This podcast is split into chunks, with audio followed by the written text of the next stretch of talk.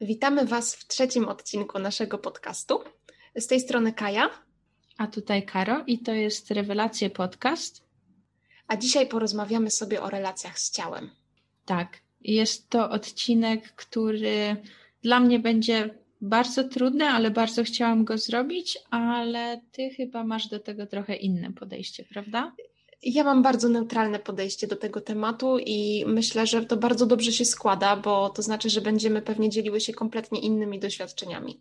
Tak, dlatego uważam, że warto ten odcinek zrobić, bo możemy sobie porównać jakby jak ze strony dwóch całkiem różnych osób ta relacja z ciałem wygląda.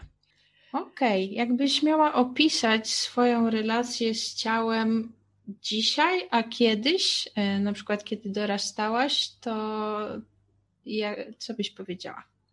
E, myślę, że w tym momencie jestem w najlepszym, takim najzdrowszym miejscu dla siebie. Nigdy nie miałam dużego problemu ze swoim ciałem. Możliwe, że miałam jakieś tam małe kompleksy, kiedy dorastałam, e, kiedy moje ciało się zmieniało i ja jeszcze nie wiedziałam za bardzo co i jak, i nie wiedziałam, jakie ono będzie. Pamiętam, że nie wszystko w sobie wtedy lubiłam. Natomiast zauważyłam, że kiedy ja uporządkowałam tak jakby wszystko w swojej głowie po terapii, a jeżeli chcemy porozmawiać więcej o mojej terapii, to odsyłam do poprzedniego odcinka. W tym momencie zauważyłam, że rzeczywiście jakby wszystko jest w porządku i ja bardzo lubię swoje ciało. Jestem mu bardzo wdzięczna, lubię to, jak wygląda. Na pewno nie jest to taki mój idealny obraz ciała. Na pewno to nie jest tak, że jak ja sobie myślę o pięknej, nie wiem, pięknej osobie, to na pewno ja bym tak wyglądała ale ja lubię to, jak wyglądam i dobrze się z tym czuję. I miałam ostatnio nawet taki moment, że rozmawiałam sobie z koleżanką o operacjach plastycznych i ona powiedziała, że ona chce sobie zrobić nos. I ja miałam taki moment, że się zawahałam, bo ja nigdy swojego nosa wcześniej nie lubiłam i bardzo przez wiele lat mówiłam, że ja nienawidzę swojego nosa, że on jest za duży, że wszyscy w rodzinie mamy takie duże nosy, więc ja nawet nie miałam jak mieć jakiegoś takiego, wiesz, mniejszego, fajniejszego, który by mi się podobał. Mm. Ale w momencie, kiedy ona to powiedziała, to ja sobie pomyślałam, nie. Ja w sumie lubię taki, jak ja lubię mój nos, ja lubię go takim, jakim on jest i ja sobie go nie chcę zmieniać. I nawet nie wiem, jak, co ja bym chciała z nim zrobić, gdybym miała taką możliwość. I sobie uświadomiłam, że tak naprawdę to ja mam takie podejście w ogóle do mojego ciała, że ja nie chcę nic w nim zmieniać w tym momencie, bo nawet nie wiem, na co ja bym je miała zmienić, bo to, co mam, służy mi dobrze. I ja sobie nie jestem w stanie nawet wyobrazić jakiejś lepszej zmiany, czy zmiany na lepsze. Hmm ale myślisz, że taki stan jest właśnie docelowy w akceptacji swojego ciała, że nie chcemy go zmieniać, że na przykład nie, nie zastanawiamy się nad tym, czy zrobić sobie jakieś operacje plastyczne albo e, nie wiem. zrobić lepszą nie formę. Nie wiem, ja myślę, ja myślę, że nie wiem, czy to jest docelowe, docelowe dla każdego, bo uważam, że każdy na pewno ma inne podejście do ciała. Ja mam takie, że lubię to, co mam teraz, na tą chwilę nie chcę niczego zmieniać, bo uważam, że to, co mam, jest fajne i mi służy i podobam się sobie taka, jaka jestem. Ale nie wiem, jeśli za kilka lat będę miała ogromne zmarszczki, których nie będę lubiła, no to może będę chciała je zmienić, ale no to jest za, pewnie za parę lat, a w tym momencie jest teraz i ja myślę o tym, co mam teraz. I teraz jest fajnie. Bardzo się cieszę, że, że dobrze się ze sobą czujesz. Ja mm, mam trochę trudniejszą relację z ciałem, to znaczy, ona jest taka bardzo sinusoidalna, niestety. Dzisiaj na przykład czuję się ze sobą ok. Byłam na treningu i, i jakby obserwowanie mojego ciała w akcji, kiedy jest bardziej narzędziem niż ornamentem, mi bardzo pasuje i to mi daje dużą pewność siebie. Ale moja historia relacji z ciałem jest y, trochę bardziej skomplikowana, mm, bo niestety to, co mi się przydarzyło, to to, że zawsze byłam trochę większa. I na początku, jak byłam dzieckiem, to byłam większa, jeżeli chodzi o wzrost. Naprawdę y, byłam po prostu dwa razy wyższa od swoich rówieśników, bardzo szybko dorastałam. A potem jakoś od gimnazjum zaczęłam przybierać na wadze, to, to jeszcze nie było jakieś takie powiedzmy chorobliwe, tak? Ale, ale nigdy nie byłam taką szczupłą nastolatką, powiedzmy. W początkowej fazie mojego dorosłego życia, niestety, doprowadziłam się do stanu otyłości, który trwał powiedzmy około dwóch lat. I udało mi się na szczęście z tym uporać i wrócić do wagi, która, jeżeli tutaj używamy wskaźników e, BMI, była normalna, czy, czy można powiedzieć, miałam lekką nadwagę, ale, ale gdzieś tam udało mi się z tym problemem uporać, i wtedy, jakby pierwszy raz, ludzie zaczęli mi mówić w moim dorosłym życiu, że jestem ładna. I, I wiesz, ja się poczułam, jakby bardzo się zachłysnęłam tym, tym wszystkim. Przez całe życie miałam wrażenie, że nie jestem w ogóle ładna. Wiesz, słyszałam nieraz, że jestem gruba. Muszę powiedzieć, że to, że to był dla mnie taki szok, nie? że jakby awansowałam z grubej na ładną i to mi zrobiło straszny burdel w głowie. E, jak ja już schudłam, to przepracowanie tego, kim ja jestem i od kogo to zależy, kim jestem i jak ja mam siebie w ogóle i moje ciało opisywać, to, to było straszne. Ja nadal jakby tego nie, nie przepracowałam i, i cały czas gdzieś tam mi to miesza w głowie. I jakbym miała z tego wyekstrak wyekstraktować jedną rzecz, to, to są właśnie słowa, którymi opisujemy własne ciało, nie? Słowa, które mają taką, taką ogromną moc, bo kiedy, kiedy byłam duża i słyszałam, że jestem gruba, to to naprawdę potrafiło mnie złamać, nie? Usłyszeć, że jesteś gruba, to jest gorsze niż usłyszeć, że nie wiem, że jesteś złym człowiekiem, co jest absurdalne, ale tak jest. Tak samo jak słowo ładna, za które powinnam być wdzięczna, a które, wiesz, po jakimś czasie stało się tak wyświechtane, nic nieznaczące, namieszało mi w głowie, że w zasadzie jego też już nie lubię. I, i myślę, że jak sobie rozmawiamy o relacji z ciałem, to musimy na początku przedyskutować to, jak w ogóle e, opowiadać o swoim ciele, czy o ciałach innych ludzi i czy w ogóle możemy je komentować, w jaki sposób, bo to jest, to jest takie pole minowe w zasadzie, przynajmniej dla mnie. Nie wiem, co ty myślisz. Ja myślę, ja wrócę zaraz do tego, co powiedziałaś o tym, jak powinniśmy opisywać ciała i w ogóle jak komentować, i też bym chciała o tym porozmawiać. Natomiast co mnie tutaj zaskakuje, mam wrażenie, że ty się zderzyłaś z tym takim bardzo powiedzmy stereotypowym, z braku lepszego słowa, podejściem do tego, jak ludzie w ogóle postrzegają ciało, właśnie. Że jest taka tendencja w kulturze do opisywania kogoś w kategoriach ładny, brzydki i że ładny równa się szczupły.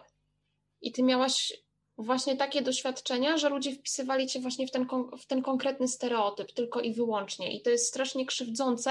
Mhm. I myślę, że to jest też bardzo częste. Ja nie wiem, nie, nie wiem tego po sobie, ponieważ ja akurat zawsze, ja akurat zawsze byłam szczupła, o ile nie chuda i ja nie mam, mam kompletnie inną perspektywę niż ty. Mhm. Natomiast też mnie uderzyło to, kiedy mówiłaś, że z Twoich słów wynikało coś takiego, no, że awansowałaś na tą ładną, co oznacza, że jest fajnie, przynajmniej w tym w, w obrębie tego stereotypu, a ja sobie pomyślałam, okej, okay, no ja byłam szczupła, ja się nie czułam ładna i tak, tak jak mówisz, nie czułaś się ładna i to jest, to jest kluczowe, bo mi zaczęto mówić, że jestem ładna, może nie szczupła, bo ja nadal jestem jakby bardziej taką postawną babą, ale mi też trochę zamieszał w głowie ten komunikat przez to, że ja się nie czułam ładna, bo się nie czułam jeszcze szczupła. To znaczy, jakby nie nadążałam za tym, że schudłam. Moja głowa widziała mnie nadal w lustrze, wiesz, taką jak byłam 20 mhm. kg wcześniej. E, I ja sobie myślałam, z jednej strony ludzie mówią, że jestem ładna, więc fajnie, że schudłam. Z drugiej strony e, ja tego nie widzę. Powiem więcej, powinnam schudnąć więcej, więc gdzie jest prawda? Jakby ustalenie tego, jaka ja naprawdę jestem, jak ja naprawdę wyglądam i jak to powinno być opisane, to, to jest koszmar. Ja nie jestem w stanie powiedzieć, jakby y, w jakim miejscu w tym spektrum jestem teraz, czy, czy wtedy byłam. Teraz taka moja strategia to, to po prostu za dużo się nad tym nie zastanawiać, bo To jest dla mnie trudne, jakby zawsze miałam problem z, z poczuciem tożsamości. To znaczy, y, pamiętam, że kiedyś dostaliśmy w szkole takie zadanie, mieliśmy listę chyba tam stu przymiotników, wiesz, na jakichś mhm. zajęciach z, z, z, to było jakieś doradztwo Doradztwo zawodowe chyba tak, było coś tak. takiego. I była lista stu przymiotników. I słuchaj, dali nam to, dali nam jakieś 20 minut. Ja siedziałam, nie byłam w stanie wybrać nic, ani z pozytywnych, ani z negatywnych. I wiesz, i wszyscy zaczęli czytać. No i tu jedna koleżanka, że ona jest zabawna, ambitna, ale leniwa, wiesz, tutaj inny kolega, że on jest odważny, ale z drugiej strony to jest niemiły, nie wiem, obojętnie. Mhm. A ja, przyszła moja kolej i ja się po prostu rozpłakałam, bo ja nie wybrałam z tej listy stu przymiotników nic. Nie byłam w stanie, bo, bo ja myślałam sobie tak, okej, okay, inteligentna, no, czasem coś tam mi wychodzi, czasem uważam się za mądrą, ale tutaj popełniłam błąd, a tutaj ktoś mi powiedział, że jestem głupia, no więc nie mogę uczciwie powiedzieć, że jestem inteligentna, albo nie wiem, zabawna. No w sumie to rozśmieszam, to rozśmieszam tą osobę, ale tamta osoba mi powiedziała, że jestem nieśmieszna. Wiesz, ja po prostu nie byłam w stanie siebie opisać. I coś takiego prze, przeżywałam również z moim ciałem po tej wielkiej zmianie, jaka się dokonała po tym, e, po tym jak, e, jak, jak się odchudziłam. W sumie to wracam trochę do odcinka pierwszego i drugiego, e, ale bardzo często jakby powodem naszej niedoli jest to, że my nie wiemy, kim jesteśmy i polegamy na innych, żeby nam powiedzieli, kim jesteśmy. I tutaj też tak było. Kiedy mówiłaś o tym, że miałaś tą listę przymiotników, to mi się przypomniał wiersz, który kiedyś czytałam. I ja wiem, że ja znowu wylatuję z tymi wierszami, tak jak z tą Szymborską w pierwszym odcinku, ale obiecuję, że tym razem, tym razem zacytuję poprawnie, bo to są chyba tylko trzy czy cztery słowa.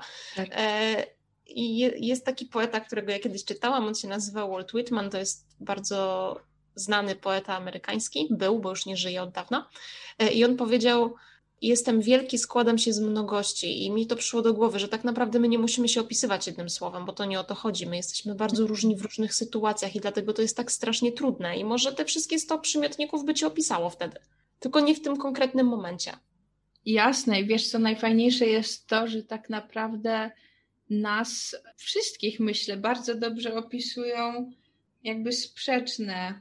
Sprzeczne cechy, bo no, nasza natura jest, jest taka e, dwoista, prawda? Także zależy, niecodziennie jakby jesteśmy na, na tym samym końcu spektrum, co, co dnia poprzedniego i następnego, więc jednego dnia będziemy bardziej produktywni, innego bardziej leniwi, jakby to, to zależy od wielu rzeczy. E, ale myślę, że z zewnątrz jest taka, jest taka potrzeba szufladkowania wszystkiego, i, i, i ona się jakby na tym odbija, że, że my chcemy mieć taki bardzo określony, spójny obraz siebie.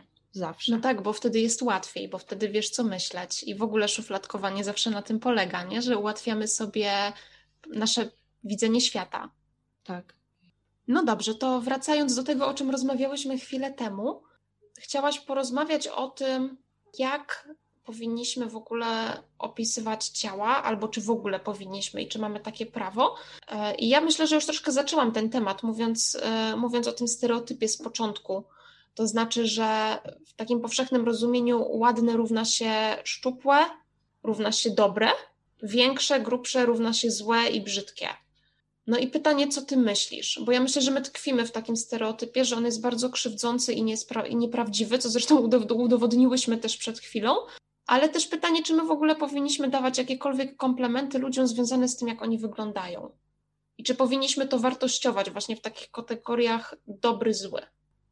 Ja teraz jestem na tyle wyczulona na to, bo byłam w takim miejscu, gdzie każdy komentarz dotyczący mojego ciała mnie bardzo triggerował i to było naprawdę piekło, to co się działo w mojej głowie po każdym takim komentarzu, że nie chciałabym go po prostu nikomu innemu sprawiać. E, więc jeżeli ktoś wyraźnie nas nie poprosi i nie będzie to osoba bliska, której możemy zaufać, to raczej nie, nie komentujmy jej ciała niepotrzebnie. Myślę, myślę, że to jest po prostu niepotrzebne, a może wyrządzić bardzo dużo, dużo krzywdy. Jeżeli chcemy komuś sprawić komplement, to jest bardzo dużo rzeczy niezwiązanych z ciałem, które mu możemy powiedzieć, i na pewno takiej osobie będzie wtedy też przyjemnie. I teraz a propos komplementów, przypomniała mi się wspaniała rzecz. E, kiedyś rozmawiałam z kolegą i powiedziałam mu jakiś komplement, i, i on powiedział: No, to brzmi jak komplement z Google'a. No i ja miałam taką chwilową, e, takie chwilowe natchnienie i wpisałam sobie hasło w wyszukiwarkę najlepsze komplementy dla kobiet.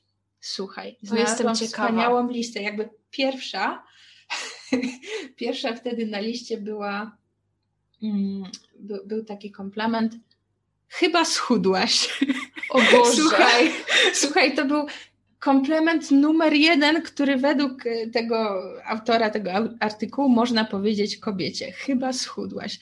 No i właśnie, Super. zastanówmy się tutaj. Nie wiem, co tu jest gorsze, słowo chyba, czy słowo schudłaś? Nie, i jeszcze ich Czy całokształt? Całokształt zdecydowanie. Wiesz, e, po pierwsze to jest Jest takie, to straszne. Tak, komentowanie czyjegoś, czyjegoś wyglądu niechciane, e, a po drugie zastanówmy się, czy czy być może ta osoba mm, chciała schudnąć, może schudła, no, bo dokładnie. jest chora, może coś, może przez jakieś bardzo traumatyczne wydarzenie schudła, bo nie była w stanie jeść, jakby to, to, jest, to jest pchanie się na bombę, naprawdę. Nie powinno się tak mówić i mogę tutaj powiedzieć za wszystkie kobiety, jeżeli nie jesteście na tym etapie, to mam nadzieję, że do niego dojdziecie nie chcemy słyszeć takich komplementów, chyba schudłaś. Nigdy. Dokładnie tak, podpisuję się, podpisuję się pod tym obiema rękami. Właśnie pierwsze, co mi przyszło do głowy, to, że może ktoś na przykład ma chorą tarczycę i bardzo schudł. Więc, Dokładnie, wiesz, może no, być dużo powodów Pierwsza choroba, ja nie, jest, ja nie jestem lekarzem, więc pewnie jest o wiele więcej takich powodów. Zresztą no nawet nie trzeba być chorym, po prostu mogło się coś wydarzyć i mogliśmy jasne. coś mogliśmy mieć z czymś problem. Nie, ale rzeczywiście jest to duży problem, myślę, właśnie takie komplementy, które wpisują się w ten stereotyp kulturowy, o którym cały czas mówię i chyba będę do niego wracać dzisiaj non-stop. Ale też się zastanawiam, czy każdy komplement jest zły, bo ja zauważyłam, ja dosyć często w ogóle e, mówię ludziom komplementy i chyba też to zauważyłaś, bo tobie też je mówię. Tak, bardzo mi I, miło zawsze. No właśnie, i się zaczęłam zastanawiać, czy to jest właśnie takie opres, trochę opresyjne, czy właśnie. nie Hmm. Bo ja to zawsze robię w dobrej wierze, ale rzeczywiście nigdy, nigdy nie wiadomo, co kto ma w danym momencie w głowie, prawda? Więc rzeczywiście fajnie, że o tym mówisz, bo ja teraz też chyba zacznę na to zwracać uwagę. No właśnie tutaj ja zauważyłam jedną rzecz, że kiedy mam ok, jakby dzień, mam dobrą relację mhm. samą sobą i usłyszę komplement na temat mojego wyglądu, na temat mojego ciała, to jest spoko. Ja go bardzo doceniam, on poprawia mi humor, ja się czuję, wiesz, jakby zauważona, doceniona, jest ok.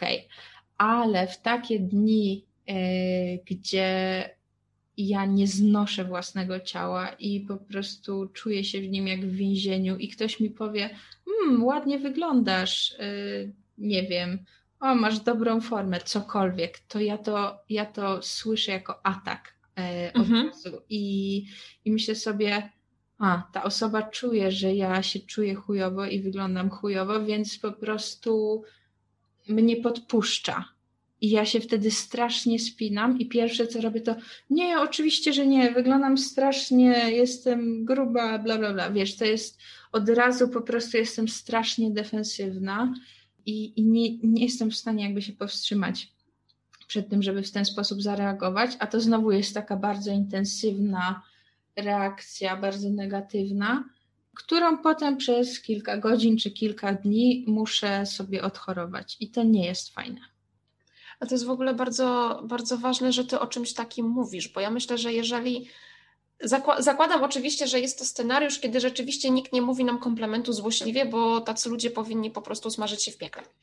Dobra, tak więc zakładam, że ktoś, kto komplementuje cię albo w ogóle komplementuje kogoś, raczej robi to w dobrej wierze, bo rzeczywiście uważa, że tak jest i na przykład wyglądasz ładnie albo masz na sobie ładne ubranie i tak dalej i po prostu chce powiedzieć coś miłego, żeby komuś było miło. I myślę, że my rzeczywiście, jak mówimy komplementy, to rzadko sobie bierzemy taki scenariusz pod uwagę, że ktoś może tego komplementu nie chcieć albo jest mhm. po prostu w, danym, w danej chwili w takim miejscu, że może go źle odebrać, mimo że innego dnia by ten komplement chciał. Więc to jest w ogóle naprawdę bardzo ważne, że ty o tym teraz powiedziałaś. Jasne, wiesz, a jak kogoś dobrze nie znamy, to wyczucie tego momentu, no nie da się, nie da się no Pewnie, oczywiście, że tak. Jaki, jaki jest grunt.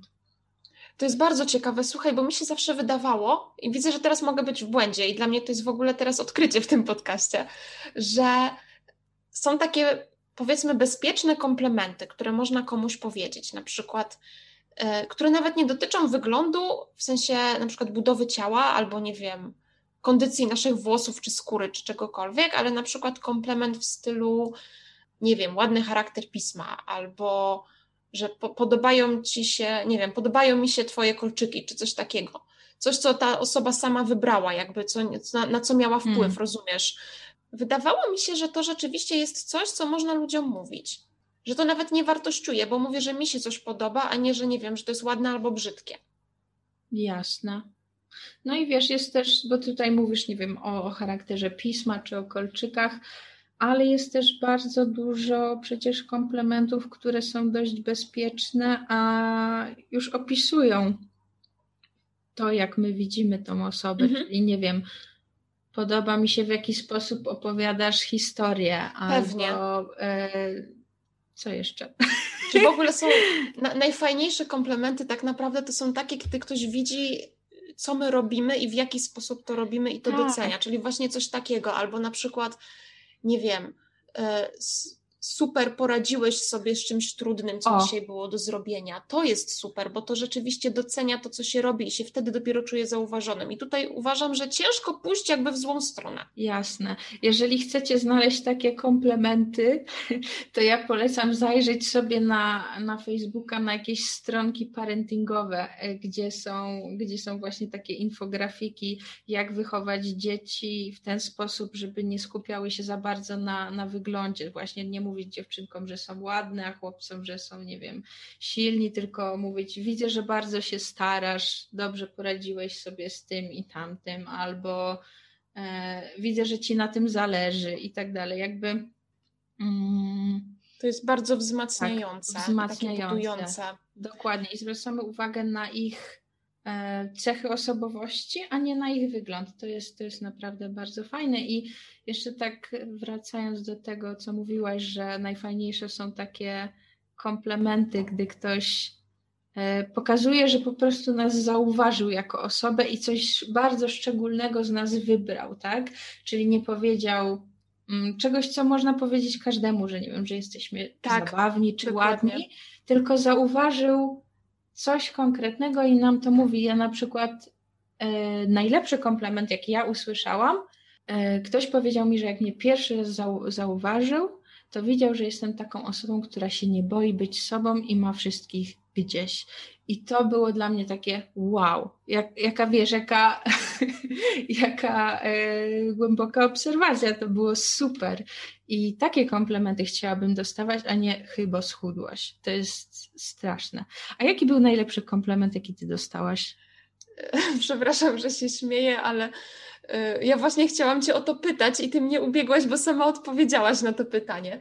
E, ja w sumie teraz nie wiem. Pierwszy, który mi przyszedł do głowy, to jest ten, który ty też mi to powiedziałaś, nawet ostatnio, że ja po prostu, kiedy mówię, że ja zamierzam coś zrobić, to to nie jest tak, że ja się zbieram pół roku, żeby to zrobić, albo nie robię tego w ogóle, tylko po prostu zaczynam to robić od razu. Mm.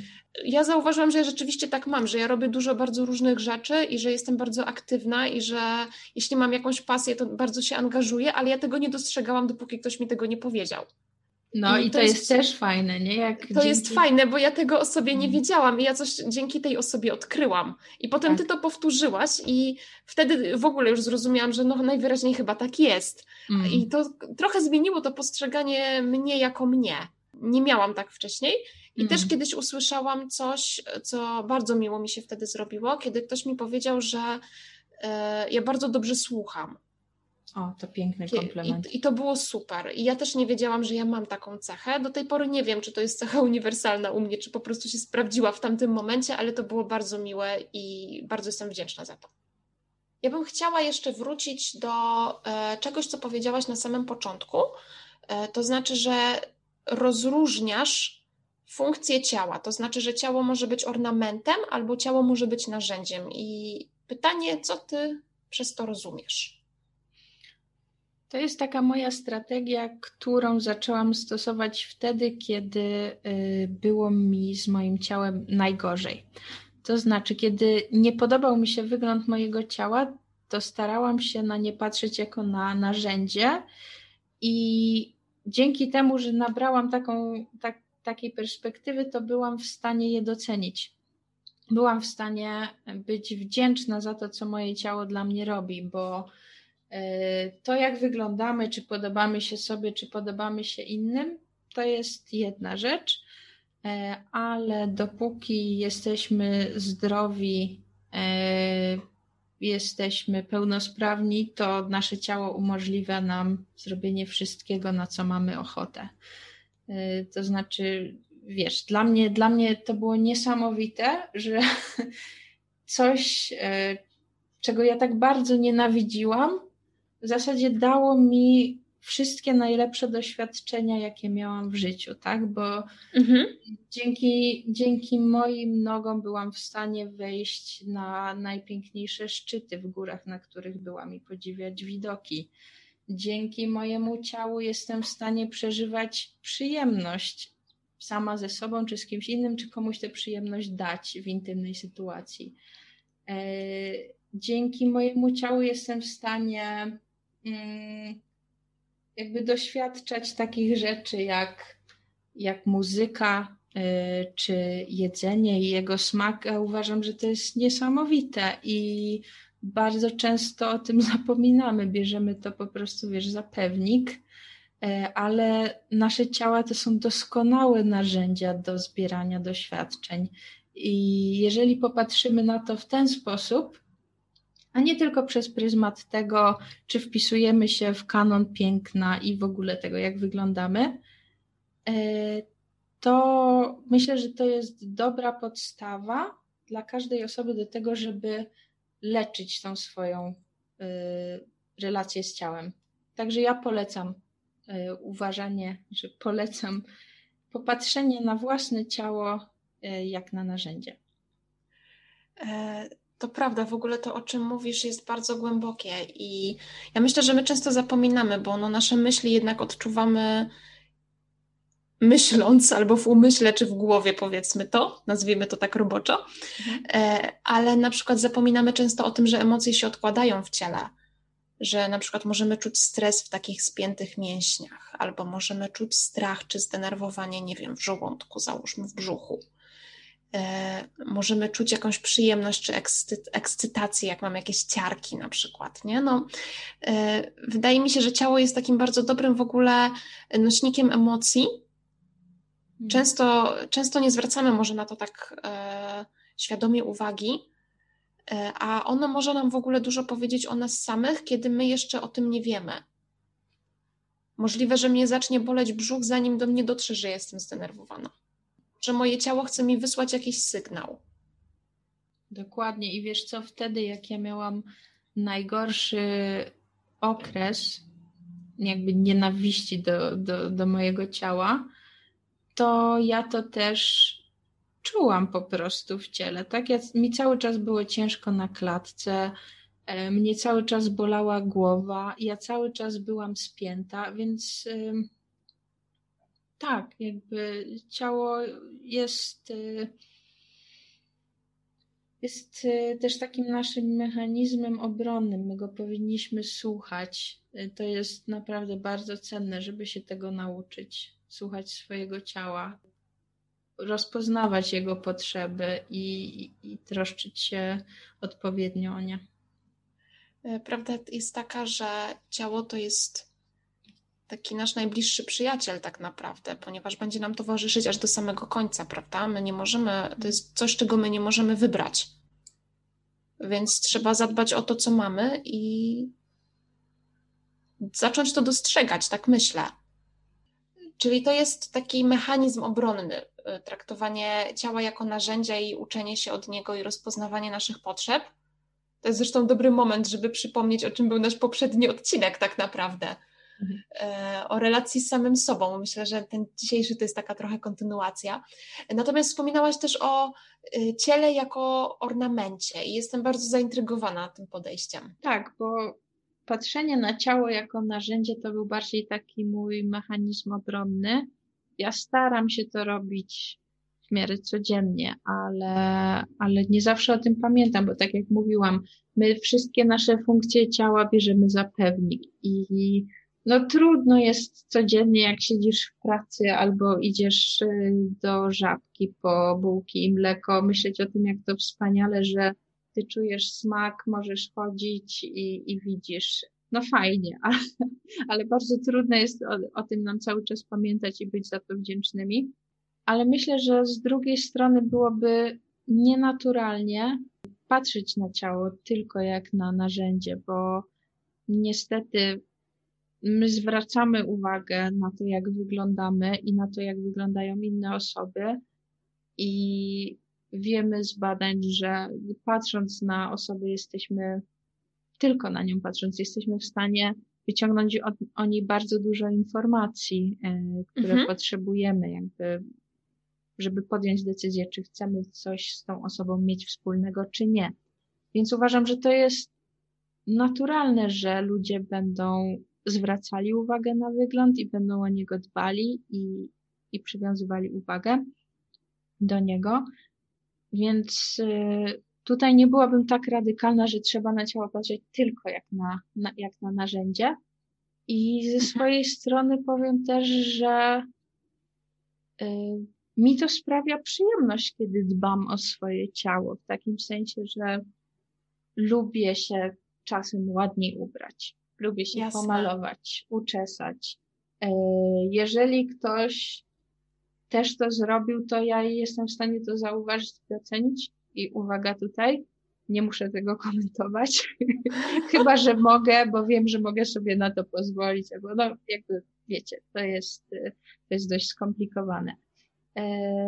Ale tak, nie ma tutaj co oszukiwać się, że wygląd jest nieważny, e, bo, bo jest. My chcemy być piękni, e, mamy z tego bardzo dużo korzyści i naturalnie będziemy do tego dążyli. Dlatego ja niestety nie jestem w stanie uwierzyć w to, że odpowiedzią na ten problem jest y, promowany dzisiaj bardzo ruch ciało neutralny. Ja myślę, że to jest dobry moment, żeby w ogóle wyjaśnić, co to takiego jest, e, ponieważ jest to dosyć nowy termin. On został ukuty dopiero kilka lat temu i może ja powiem, jak ja go rozumiem w ogóle. Mhm. E, otóż ja rozumiem ciało neutralność tak, że e, jest to sposób walki z takim bezgranicznym kultem ciała. Okay. To znaczy, że to, jak wyglądamy, nie do końca jest najważniejsze. Natomiast ważniejsze są takie nasze, załóżmy, unikalne cechy, takie, które tylko my mamy, coś, co jest takie nasze własne. Mhm. Natomiast może ty to rozumiesz inaczej. Ja tutaj porównałabym ruch ciało neutralny do ciała pozytywnego, bo najpierw był y, ten drugi czyli ciało tak. pozytywne. I on nam proponuje, w zasadzie on nam każe, kochaj swoje ciało, a ruch mhm. ciała neutralny mówi, nie musisz go kochać, ale ono ma lepiej tylko je, służyć. Lepiej je akceptuj, ono tak. ma ci służyć, tak. Teraz nie jest mi blisko do, do żadnego z tych, z tych ruchów, e, ale nie jestem na tyle naiwna, żeby powiedzieć, mój wygląd nie będzie mnie obchodził będę ciało mhm. neutralna. Jakby będę się codziennie rano budzić, nie będę patrzeć w lustro, nie będę się zastanawiała, co na siebie włożyć, nie będę się zastanawiała, jakie zrobię wrażenie, e, podejmując decyzję co do tego, w jaki sposób, nie wiem, się pomaluję, czy, czy w co się ubiorę. No nie. Mój wygląd wzbudza i będzie wzbudzał we mnie duże emocje. Mm, I wątpię, żeby było naprawdę wiele osób, które są w stanie po prostu popatrzeć na siebie w lustrze, powiedzieć, a okej, okay. I, i iść dalej. My widzimy trochę więcej. To, to zawsze będzie dla nas ważne, nasze ciało i to, jak wygląda, więc uważam, że to jest piękny pomysł. E, jakby ciało neutralność to jest w zasadzie trochę to, co ja proponuję, czyli zobaczenie, zobaczenie, że ciało to narzędzie, ale ja uważam, że, że to powinna być taka, że tam są dwie strony.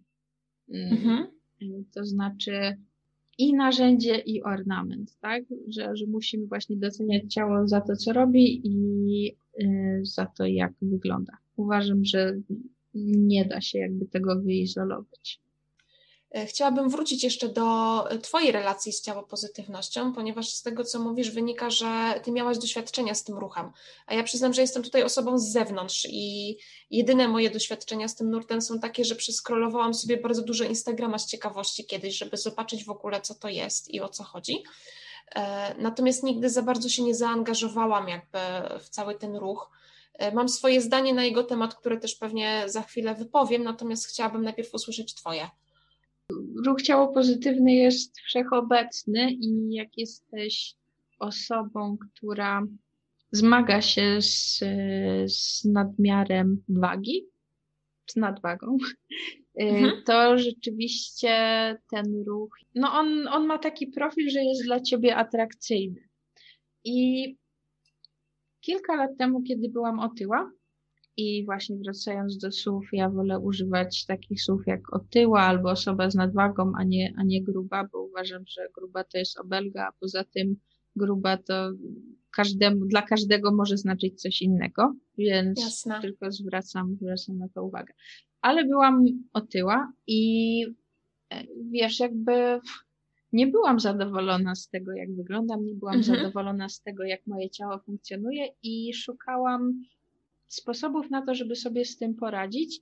I właśnie głównie na, na social mediach znalazłam osoby, które działały w tym ruchu, i muszę powiedzieć, że wtedy to mi bardzo pomogło, bo dało mi jakąś taką, mimo wszystko, inspirację do zaakceptowania siebie w tamtym momencie, która dla mnie była pomocna, żeby w ogóle zacząć proces zmiany tak, żeby, mhm. żeby, żeby schudnąć y, i poprawić swoje, swoje zdrowie. Wiesz, ja, ja myślę, że mało kto, kto jest otyły, schudnie dlatego, że jest gnębiony, y, czy, czy dostaje bardzo dużo negatywnych komentarzy. Mhm. Żeby, żeby coś zmienić, żeby poprawić swój stan, ja myślę, że najpierw musimy zaakceptować ten, w którym jesteśmy. To nie znaczy, że musimy się kochać za to, że jesteśmy otyli, tylko że musimy to zaakceptować e, i, i zobaczyć, że mamy w sobie jednak potencjał na to, żeby, żeby dążyć do zmiany. Więc kiedyś ruch ciało pozytywny bardzo mi pomógł, ale właśnie no dość myślę przewrotnie, tak? Bo ruch ciało pozytywny pomógł mi schudnąć. Bo mm, to też jest tak, że jak jest się osobą otyłą, to w ogóle przyznanie przed samym sobą, że się takim jest i że być może to chcielibyśmy to zmienić, jest trudne. I, i myślę, że to głównie na tym polegała zasługa śledzenia tych wszystkich kont. Ja pomyślałam, o, no to ja też jestem otyła, tak jak one. One mówią, że to jest ok. No ok, no to, to jest ok. Ja się nie czuję ok, ale już wiem, że jestem otyła i mogę coś z tym zrobić. Jakby wiesz, to, to był ten pierwszy krok. Mhm, rozumiem. Ale dzisiaj, dzisiaj mam trochę inne podejście do tego. Um, tak samo jak z ciało neutralnością, myślę, że to jest znowu zbyt naiwny koncept. To znaczy, mamy kochać swoje ciało zawsze, niezależnie od tego, co się z nim czy z nami samymi dzieje wiadomo, że, że będą gorsze, lepsze dni, tak? To znaczy, wiesz, czasem nasze ciało daje nam po prostu znać, że, że coś złego się dzieje i musimy się tym zaopiekować, a ciało pozytywność tak trochę mm, no zamiata idzie, problem pod dywan. Tak, idzie na kompromis ze zdrowiem. Ja absolutnie nie chcę mówić, że wszyscy szczupli ludzie to są ludzie zdrowi i wszyscy ludzie nie wiem, z nadwagą to są ludzie chorzy, bo to może być, to może być bardzo różnie. Ale kiedy już mówimy o takiej otyłości i otyłość zresztą też stopniuje, nie? To, to nie są osoby, które mają szansę na długie, zdrowe życie. I, I to już jest jednostka chorobowa po prostu. E, no nie wiem, czy wyobrażasz sobie, że powstanie na Instagramie ruch cukrzyco pozytywny albo ruch depresjo pozytywny, wiesz, to, no to jest absurdalne. I, I jak ja schudłam, to też pomyślałam sobie, że ten ruch się trochę ode mnie odwrócił, jakby poczułam się mhm. trochę wywalona stamtąd, nie? Jakby jeszcze nie byłam w klubie Fit Lasek, ale już nie mogłam być w klubie tych Body Positive Lasek. Po prostu, po prostu nie, bo wiesz, jakby tam jest też taka trochę atmosfera sekty. I, i mam wrażenie, że, że ten ruch jest rozumiany na opak. To tak, wiesz, tak jak z feminizmem, nie? Rozumiem. No. E, ja przyznam, że to, co powiedziałaś teraz, to ja to rozumiem. Ja mam bardzo podobne, powiedzmy, podobną opinię na ten temat. Natomiast, no jak mówię, ja w tym ruchu nie byłam. Ja go mhm. widzę tylko z zewnątrz. I to, co widzę, widzę z zewnątrz, dla mnie jest jedno właśnie takie największe zagrożenie, to jest to, że ktoś może rzeczywiście swoje problemy ze zdrowiem zbagatelizować przez to, że słyszy, że to jest ok. Natomiast podoba mi się z drugiej strony to, że rzeczywiście osoby, które mają problem ze swoją wagą, nagle widzą ludzi, którzy wyglądają podobnie jak one, prawda? Bo no, nie ukrywajmy, że osoby, które publicznie w mediach występują najczęściej, to są osoby, które są szczupłe bądź nawet za szczupłe. Tak więc no, każdy kij ma dwa końce, jak to mówią. Jasne, ta reprezentacja jest bardzo fajna i potrzebna, bo nawet jeżeli ktoś jest otyły, czyli chory i chce to zmienić, to żeby zrobić to w bezpieczny, dobry sposób, to musi zainwestować w to dużo czasu. To nie jest tak, że ta osoba za dwa tygodnie będzie osobą e, z lekką nadwagą mhm. czy, czy o, o normalnej wadze. Nie, ona dalej będzie otyła przez jakiś tam czas, tak, tylko coraz mniej. E, I jakby wiesz, i ta osoba nie może na ten czas e, tego procesu zmiany zniknąć z powierzchni Ziemi. No tak, ona nie, ona nie może się wymazać, ona cały czas będzie. Dlatego ja też bardzo nie lubię tego argumentu, że każda osoba otyła, większa, która publikuje swoje zdjęcie, promuje otyłość. No nie, ona jest po prostu człowiekiem, żyje, nie wiemy, co teraz ze sobą robi. Być może chce się zmienić, być może nie, ale tak jak każdy z nas chce sobie wrzucić swoje zdjęcie gdzieś tam, wiesz, no to, to, też, to też mi się nie podoba. Dlatego fajnie, jeżeli ten ruch rzeczywiście inspiruje do zmiany. Tutaj te kwestie zdrowotne są są dość takie śliskie, tak jak mówisz, ale myślę, że gdybyśmy byli naprawdę dobrze edukowani co do tego, jak się odżywiać, jak dbać o swoje ciało, wiesz, gdyby ludzie naprawdę wiedzieli, na czym polega odchudzanie, bo ja do dzisiaj codziennie rozmawiając ze znajomymi walczę z mitami w stylu nie jedz chleba i nie jedz ziemniaków, bo przytyjesz, albo nie jedz po osiemnastej i w ogóle wiesz, że schudnąć to można 10 kilo w dwa tygodnie, albo inne takie absurdalne rzeczy. Gdyby to była taka rzeczywiście wiedza powszechna, to zupełnie inaczej byśmy patrzyli na osoby otyłe i przede wszystkim widzielibyśmy je jako osoby chore, a nie na przykład leniwe i głupie i nie będące w stanie o siebie same zadbać. No bo to, to jest bardzo niesprawiedliwe. Ja też otrzymywałam takie komentarze i, i, dla mnie, i dla mnie to było bardzo bolesne, bo jakby ja sama sobie pokazałam, że byłam ostatecznie w stanie mhm. o siebie zadbać, ale to po pierwsze był proces, mi to zajęło prawie dwa lata, a po drugie, no musiałam, musiałam do tego dojrzeć, musiałam zebrać sobie taką odpowiednią bazę, wiesz, wiedzy, jak to zrobić, bo tak jak mówię, tak jak moi znajomi teraz, to ja kiedyś myślałam, że no, żeby schudnąć, to w ogóle trzeba jeść tylko ryż i brokuły. I to też w jakichś małych ilościach, nie? I nie jeść po 18 i jakie tam są jeszcze inne mity dietetyczne. Diety tysiąc kalorii o Jezu, i, picie, i picie soków. Tak, i detoks. so tak. Detoks sokowy. Nagle wszyscy cierpimy na, na brak wątroby. Kochani, nie ma czegoś takiego jak detoks. Zapamiętajcie z tego odcinka dwie rzeczy. Nikomu nie mówimy, chyba schudłaś i nie wierzymy w coś takiego jak detoks. Macie wątroby? Super. Jakby bazujcie na tym. Myślę, że w ogóle to jest super podsumowanie naszego dzisiejszego odcinka. To znaczy, pamiętajcie rzeczywiście o tym, żeby trzy razy się zastanowić, zanim powiecie komuś komplement. Pamiętajcie o tym, jaki to jest komplement i czy rzeczywiście jest to taki, który sami byście chcieli usłyszeć. No i pamiętajcie o tym, że macie tak, takie coś jak wątroba w organizmie i rzeczywiście to Wam bardzo, bardzo się przysłuży i niekoniecznie trzeba pić tylko wodę cały dzień, żeby schudnąć. A Ty może chciałabyś coś jeszcze dodać w takim razie? Tak, ja chciałabym przede wszystkim Wam wszystkim powiedzieć, że dbanie o ciało zaczyna się w głowie. I to prawda. Jeżeli będziecie mieli problem z tym, jak postrzegacie własne ciało, jeżeli ono stanie się dla Was problemem, to szukajcie pomocy. E, I, I tutaj macie wiele opcji. Przynajmniej o tym porozmawiajcie z kimś albo pójdźcie do terapeuty. Polecam I... tę opcję tak, jak wiemy, Kaja poleca opcję terapeuty. Ja miałam trochę gorsze przygody z terapeutą, ale to może o tym w innym odcinku. E, no i pamiętajcie, żeby obserwować własne ciało i to, co ono Wam mówi, bo być może zmiany w ciele e, wskazują na to, że coś się dobrego dzieje, a może właśnie niekoniecznie i że warto, warto zwrócić na to uwagę, że to nie jest tak, że ciało sobie, a my sobie, bo my jesteśmy także naszym ciałem. E, pamiętajcie też, że te ruchy, które my tutaj omówiłyśmy, ruch ciało neutralności i ciało pozytywności, wcale nie znaczą, że jeżeli chcemy z nich czerpać, to musimy koniecznie iść albo w ten, albo w tamten.